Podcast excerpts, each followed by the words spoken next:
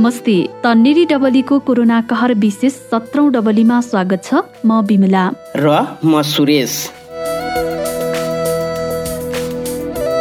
Corona डबलीको गफ गफ र कोरोनाको भोगाई त कहिल्यै नसकिने भयो है सुरेश मान्छेहरू इतिहास कहिले बिर्सन सक्दैनन् सयौँ वर्ष पुरानो त सम्झन्छन् सिङ्गो मानव समुदायले एक वर्षदेखि भोग्दै आएको पीडालाई कसरी बिर्सन सकिन्छ र विमला कोरोना लकडाउन निषेधाज्ञा सन् दुई हजार बिसमा विश्वमै सबैभन्दा बढी प्रयोग भएका शब्द हुन् सुरेश अब हामीले दुई हजार एक्काइसलाई स्वागत गरिसकेका छौँ यी शब्द उच्चारण गर्न मन लाग्दैन तर बाध्यता न यिनी शब्दले दिएका पीडा र भोगाईमै हामी मानिसहरूको दैनिकी चल्दैछ हो नि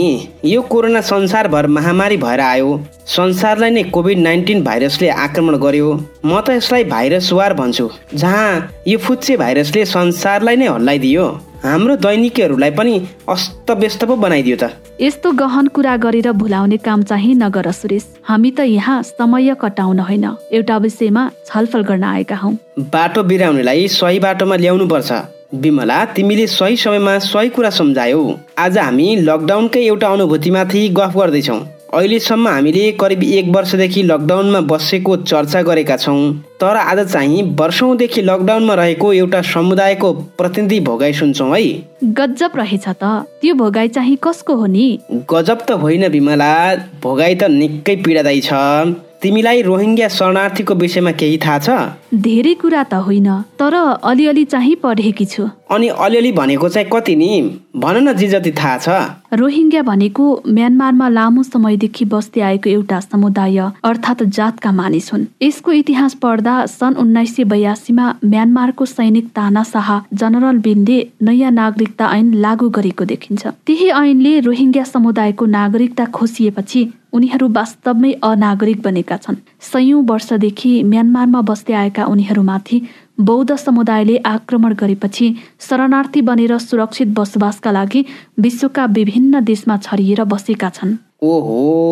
तिमीलाई त यसबारे धेरै जानकारी रहेछ त बिमला अनि यिनीहरू नेपालमा चाहिँ कसरी आइपुगे भन्ने थाहा छ त अँ मान्छे जन्मिएको बाँच्नका लागि रहेछ सयौं वर्षदेखि बसोबास गरिरहेको ठाउँमा चर्को विभेद र अत्याचार भएपछि मान्छे बाँच्नका लागि जन्मभूमि छाड्न तयार हुन्छन् यो समुदाय बिसौँ वर्षदेखि बङ्गलादेशमा शरण लिएर बसेको छ म्यानमारबाट लखेटिएपछि उनीहरू समुद्रको कठिन यात्रा गर्दै थाइल्यान्ड मलेसिया इन्डोनेसियासम्म पुगेका छन् देश छोड्ने लाखौँ मध्ये कतिपय भने बङ्गलादेश भारत हुँदै खुल्ला सीमाको फाइदा उठाएर नेपाल आइपुगेका छन् कठिन यात्राका क्रममा यो समुदायका सयौँ मानिसले दुःख पाएको र खाने नपाएर मरेका खबरहरू पनि केही वर्ष अघि पढेकी थिए रोहिङ्ग्याको समस्या डबलीमा होइन अन्तर्राष्ट्रिय मञ्चमा छलफल भएको विषय हो त्यो त हो विमला हाम्रो देश नेपालमा रहेका रोहिङ्ग्याको सङ्ख्या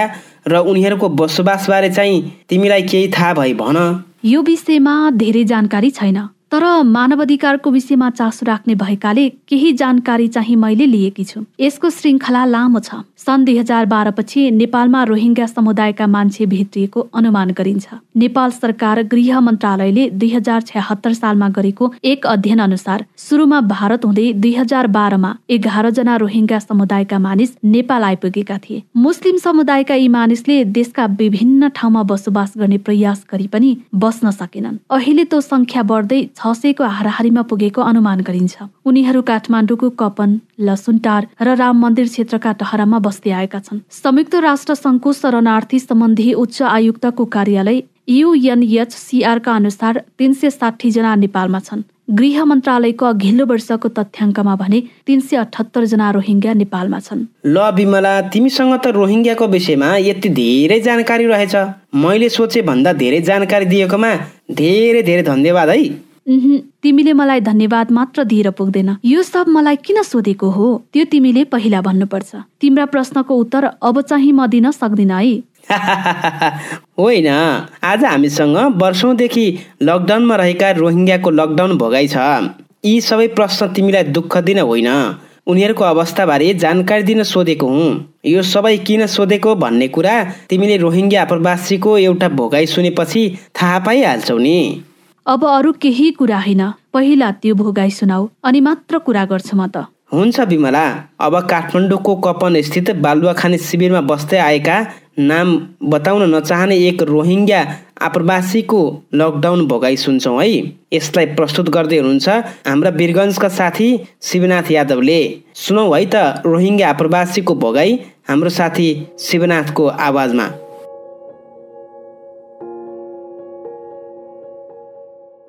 हामी वर्षौँदेखि लकडाउनमा छौँ शरणार्थी पर्यम हजुर बिजोग छ भनेर पनि कसरी भन्नु भोक अभाव र तिरस्कारलाई खै कसरी पो सगरमाथा भन्नु बिहान चियासँगै दैनिकी सुरु गरेर तपाईँहरू राति मिष्ठान भोजनसँगै दिनको अन्त्य गर्नुहुन्छ हामी बिहान अभावसँगै दैनिकी सुरु गरेर अभावमै दैनिकी खतम गर्छौँ दिनभरि बोनस प्याकेजमा तिरस्कार र शङ्का त छँदैछ टेरोरिस्ट भनेर आफ्नो देशले लखेटेको हामीलाई शरण लिएको देशले शङ्काले नहेर्ला भनेर कसरी भन्नु सकस हाम्रो दैनिकी हो ज्याला मजुरी गरेर बाँचिरहेका थियौँ बस्नलाई दुःख थिएन कोरोना भाइरस नौन्जेल नेपाल त हाम्रो जन्नत स्वर्ग नै थियो नि भाइरसले संसारलाई दुःख दिइरहेका बेला हाम्रो जनत अछुत रहने कुरै भएन कप्पन बालुवा खाने स्थित शरणार्थी क्याम्पमा हामी लगभग चार सय शरणार्थी बस्छौँ म सन् दुई हजार एघारमा परिवारसहित नेपाल आएको हुँ टहरामा बस्ने अधिकांश दुई हजार सोह्रपछि आएका हुन्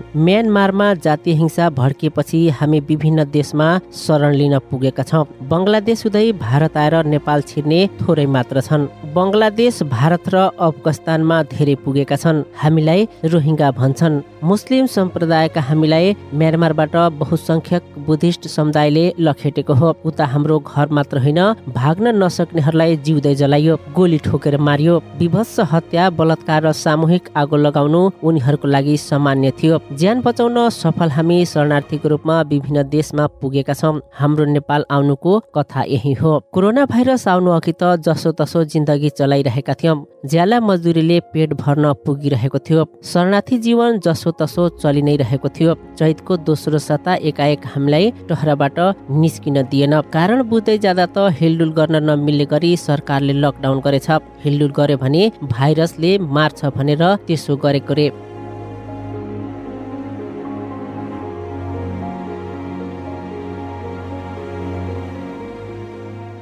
दुई चार दिन त सहेरै बस्यौँ मर्नुभन्दा भित्रै बस्नु जाति लाग्यो सरकारको निर्णय मान्नु हाम्रो कर्तव्य पनि थियो तर एक सातामै हाम्रो खाना सकिसकेको थियो बिहान कमाएर बेलुका खानेलाई लकडाउन घाँडो भयो हामी सानो ठाउँमा धेरैजना बसेका छौँ एउटा टहरामा आठ दसजना बस्छौँ अझ भनौँ एउटा परिवारमा आठ दसजना हुनु हाम्रो समुदायको लागि सामान्य हो बच्चा बच्ची धेरै भएकाले कमाउने मानिस पनि कम हुन्छन् एक सातामै हाम्रो खाना सकिसकेको कारण यही हो साबुन पानीले हात धुने सामाजिक दूरी कायम गर्ने मास्क लगाउने गरे मात्र यो भाइरसले छुन्न रे यो भाइरसको एक मात्र बस्ने उपाय हो रे खानालाई अन्न छैन कहाँबाट किन्नु साबुन एउटा साङ्ग्रो ठाउँमा आठ दस बस्नु पर्छ कसरी कायम गर्नु सामाजिक दूरी मास्क किन्ने पैसा भए त हामी बच्चा बच्चीलाई खाना खुवाइहाल्थ्यौँ नि भाइरसबाट बस्ने नियम हाम्रो लागि व्यर्थ थियो हाम्रो ध्यान भोकबाट कसरी बच्ने भन्नेमा थियो कता हो मुस्लिम समुदायले भाइरस फैलायो भनेर समाचार आयो त्यसपछि त हामीलाई धेरै गाह्रो भयो टहराबाट नजिकैको खाली जग्गामा निस्किँदा पनि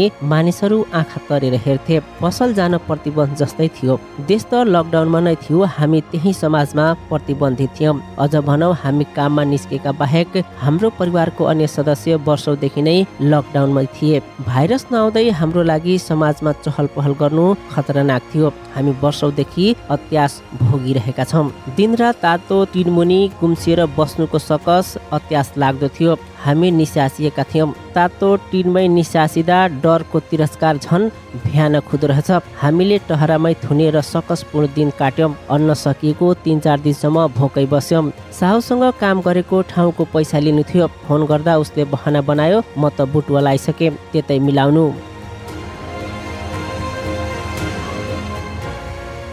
सबैजना भोक भोकै पर्न थालेपछि बच्चाहरूलाई गाह्रो भयो बच्चाहरू भोकले रुन थाले रुँदा रुँदै बेहोस होला झै लाग्यो त्यसपछि हामीले विभिन्न सङ्घ संस्थाहरूलाई खबर गर्यौँ अर्को दिन आलु र चामल लिएर उनीहरू आए त्यो राहतले दुई साता त पुग्यो त्यसपछि अवस्था उस्तै टहराको सकसपूर्ण बसाई समाजको तिरस्कारपूर्ण दृष्टि र शरणार्थी जीवन यो भाइरसले नेपाली नेपालीलाई त नजिक हुन दिएको थिएन हामीलाई झन नजिक हुने के दियोस् नेपाली नै खान नपाएर भोकै थिए हामीलाई झन् कसले राहत दियोस् आफ्नै सरकारले नै लखेटेर शरणार्थी बनायो अर्काको सरकारले हाम्रो बारेमा कसरी सोचोस् शरणार्थीको जीवन उसै त भयानक दुःखबाट गुज्रिरहेको हुन्छ यो महामारीमा झन् दुःख किन हामीबाट टाढा भागोस् सबै सबैले हामीलाई तिरस्कार गरे पनि भोकले तिरस्कार गरेन लागिरह्यो अभावले तिरस्कार गरेन भइरह्यो दुःखले दिनहु अङ्कमाल गरिरह्यो मात्र हामीबाट मान्छे र मानवता टाढा भयो दुःख अभाव र तिरस्कारले अङ्कमाल गरेको एउटा शरणार्थीको जीवन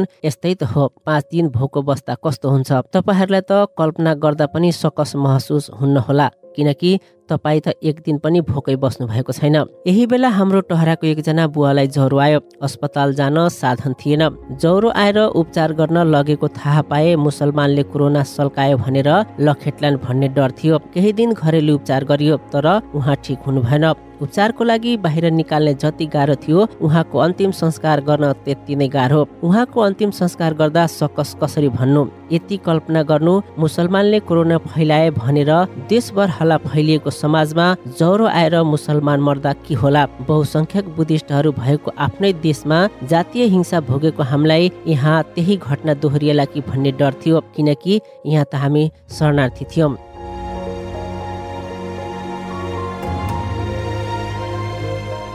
गएका सात महिनाका हाम्रो कथा यस्तै हो भोक अभाव र तिरस्कार यो सकसपूर्ण समयको कथा हाम्रो टहराएर हेर्नेहरूले मात्रै महसुस गर्न सक्छन् यो समयमा हाम्रो केटाकेटीहरूले दिनमा एक पटक खायो भने हामीले दुई दिनमा एक पटक शरणार्थीले पेटभरि खान नपाउनु सारा विश्वको लागि आश्चर्य होइन हामी वर्षौँदेखि भोक तिरस्कार र अभाव सहन अभ्यस्त भइसक्यौँ हामीले यो भन्दा खराब परिस्थितिको सामना गरेको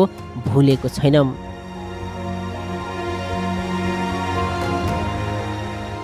शरणार्थीको लकडाउन अनुभव चाहिँ कस्तो लाग्यो नि बिमला तिमीलाई सुरेश हामी नागरिक हौ अनागरिकको पीडा बुझ्न सक्दैनौँ तर पनि यो भोगाई बुझ्न सक्छौ वास्तवमा उनीहरूको जीवन नै लकडाउनमा छ हो त नि विमला मुस्लिम समुदायका रोहिङ्ग्या बहुसङ्ख्यक बुद्धिस्टको पेलानमा मात्रै परेनन् कतिपयलाई घरमै जलाएर मारिएछ कतिपयलाई गोली ठोकेर नै मारिएछ विभत्स हत्या अघिका पीडाको त कुरै नगरौँ त्यही पीडा भोग्न नसकेर त उनीहरू शरण लिन विश्वका विभिन्न देश पुग्ने क्रममा नेपाल पनि आइपुगेका रहेछन् नि त विमला हो त नि मलाई के चाहिँ खुसी लाग्यो भने उनीहरू नेपालमा सुरक्षित महसुस गर्दा रहेछन् तर नि विमला कोरोना महामारीको दुःख त उनीहरूका लागि सामान्य भयो होला यो भोगाइमा मास्क किन्ने पैसा भए बच्चा बच्चीलाई खाना खुवाउँथ्यौँ भन्ने भनाइ चाहिँ निकै मर्मस्पर्शी छ दुःख मान्छे अनुसारका हुन्छ भन्छन् नि हेर त मान्छेका दुःख हो नि अझ मुस्लिम समुदाय भएकै कारण आफ्नो देशबाट लखेटिएका रोहिङ्ग्यालाई यही समुदायमा कोरोना फैलिएपछि भएको त्रास अझ पीडादायी छ भन्छन् नि अगुल्टोले हानेको कुकुर बिजुली चम्किँदा तर्सिन्छ उनीहरू कोरोना सङ्कट आएपछि फेरि यहाँबाट लखेटिनुपर्छ कि भनेर त्रासमा रहेछन् समाजमा सधैँभरि प्रतिबन्धित यो समुदायले कोरोना कहरमा थप पीडा भोग्यो हेर बिमला उनीहरूसँग त पीडाको श्रृङ्खला नै छ नि मलाई यो भोगाएको एउटा लाइनले धेरै मन छ यो जिन्दगीमा सबै कुराले तिरस्कार गरे पनि पीडा र अनेक भोगाइले नछोडेको कुरालाई उनले यो भोगाइमा साटेका छन् भोकले तिरस्कार गरिन अभावले तिरस्कार गरिन दुःखले तिरस्कार गरिन भोको बस्दाको भन्दा पनि भोकै बस्नु पर्दाको बाध्यता धेरै पीडादायी हुन्छ त्यसमाथि नेपालमा सुरुवाती दिनमा मुस्लिम समुदायले कोरोना फैलाएको भन्ने हल्लाले त यो समुदायमा निकै असर परेको रहेछ टहरामा ज्वरो आएका एक वृद्धको त्यही मृत्यु भएको र त्यसपछि उनीहरूले भोगेको पीडा झनै गहिरो पो रहेछ विमला हो नि अझै चैतमा लकडाउन भएपछि शरणार्थी क्याम्पमा भोकमरीको त्रास सुरु भयो यस्तै पनि गाह्रो गरी जीवन बिताइरहेका शरणार्थीहरूलाई कोरोनाले झन गाह्रो र पीडा थपिदियो त्यही त लकडाउनको केही दिनपछि नै रोहिङ्ग्या शरणार्थी शिविरमा भोकमरीको सुरुवात भएको कुराहरू सामाजिक सञ्जालमा र समाचारहरूमा पनि आएको थियो नि हो त विदेशी भूमिमा शरणगत भएका शरणार्थीहरूले आफ्नो कुरासम्म पनि राम्रोसँग राख्न सक्दैनन् त्यसैले पनि यस्तोमा आप्रवासीहरूको क्षेत्रमा काम गर्ने संगठनहरूले उनीहरूको कुरा बोलिदिनु पर्छ र सहयोग गरिदिनु पर्छ कि कसो यो कुरा एकदमै सही गर्यो तिमीले तर त्यो मात्र होइन यस्तो विपद र महामारीहरूमा सधैँ समाजमा रहेका कमजोर वर्ग अपाङ्गता भएका मानिस दैनिक ज्यादादारीमा काम गर्ने मजदुरहरू सबैभन्दा पहिले प्रभावित हुन पुग्छन् त्यसैले उनीहरूको लागि सबैभन्दा पहिले र छिटो राहत हुने काम गर्नुपर्छ यसका लागि सरकार स्थानीय प्रशासन नागरिक समाज सङ्घ संस्थाहरूले सधैँ ध्यान पुर्याउन जरुरी छ त्यही त कोरोना कहर सकिएको छैन अझै हामीले कति पीडा भोग्नुपर्छ त्यसमाथि यस्तै पीडामा बाँचेका मान्छे दुःख हामीले सुन्ने र फेरि यस्तो नदोरियोस् भनेर अरूसँग सुनाउने त हो नि हो विमला तर कोरोना भन्दा ठुलो पीडा भोगेका रोहिङ्ग्याले कोरोनालाई सामान्य ठाने पनि उनीहरूका आफ्नै दुःख छन् म्यानमारबाट लखेटिएर नेपाल आए नेपाली समुदायले पनि उनीहरूलाई राम्रो नजरले हेर्न सकेको छैन त्यो त हो भोगाईको अन्त्यमा भनेकै छन् नि शरणार्थीले पेटभरि खान नपाउनु सारा विश्वको लागि आश्चर्य होइन यस्ता दुःख देख्दा र सुन्दा हामी त धेरै सम्पन्न छौँ भन्ने लाग्छ हामी धेरै जात जाति र समुदायका भए पनि मिलेर बसेका छौँ नेपाली हुनुमा यही चाहिँ खुसी लाग्छ यसरी सम्झने हो भने त हामी जति सुखी र खुसी त कोही नहुनु पर्ने हो विमला हाम्रो देशमा सब ठिकठाक छ तर राजनीतिक वातावरण ठिक नहुँदा स्थिति अझै राम्रो बन्न सकेको छैन कि कसो हो त्यो त हो तर आज अब मलाई राजनीतिक कुरा गर्ने मोड चाहिँ छैन है ल उसो भए राजनीतिक विषयमा अर्को डबलीमा गफ गरौँला नि त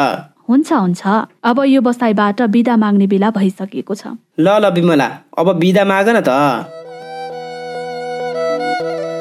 हामीलाई पोडकास्टमा सुनेर तपाईँलाई कस्तो लागिरहेको छ जुनसुकै प्लेटफर्मबाट तपाईँ हामीलाई सुन्दै हुनुहुन्छ कस्तो लाग्यो भन्नुहोला है यदि राम्रो लागेको छ भने अरूलाई पनि भन्नुहोला र केही प्रतिक्रिया र सुझाव भए हामीलाई podcast at the rate Tanneri Chaso dot net मार्फत साट्न सक्नुहुन्छ तपाईँले हाम्रो यो डबली गफलाई पडकास्ट एपमा मात्र होइन तन्नेरी चासोको अफिसियल फेसबुक पेज र युट्युबमा तन्नेरी डबली सुन्न सक्नुहुन्छ र त्यहाँ तल कमेन्टमा गई प्रतिक्रिया दिन सक्नुहुन्छ है हवस् त तन्नेरी डबलीको अठारौं श्रृङ्खलामा भेट्ने बाचा गर्दै आजलाई भने म विमला र म सुरेश बिदा हुन्छौ लौ त फेरि भेटौँला नमस्कार, नमस्कार।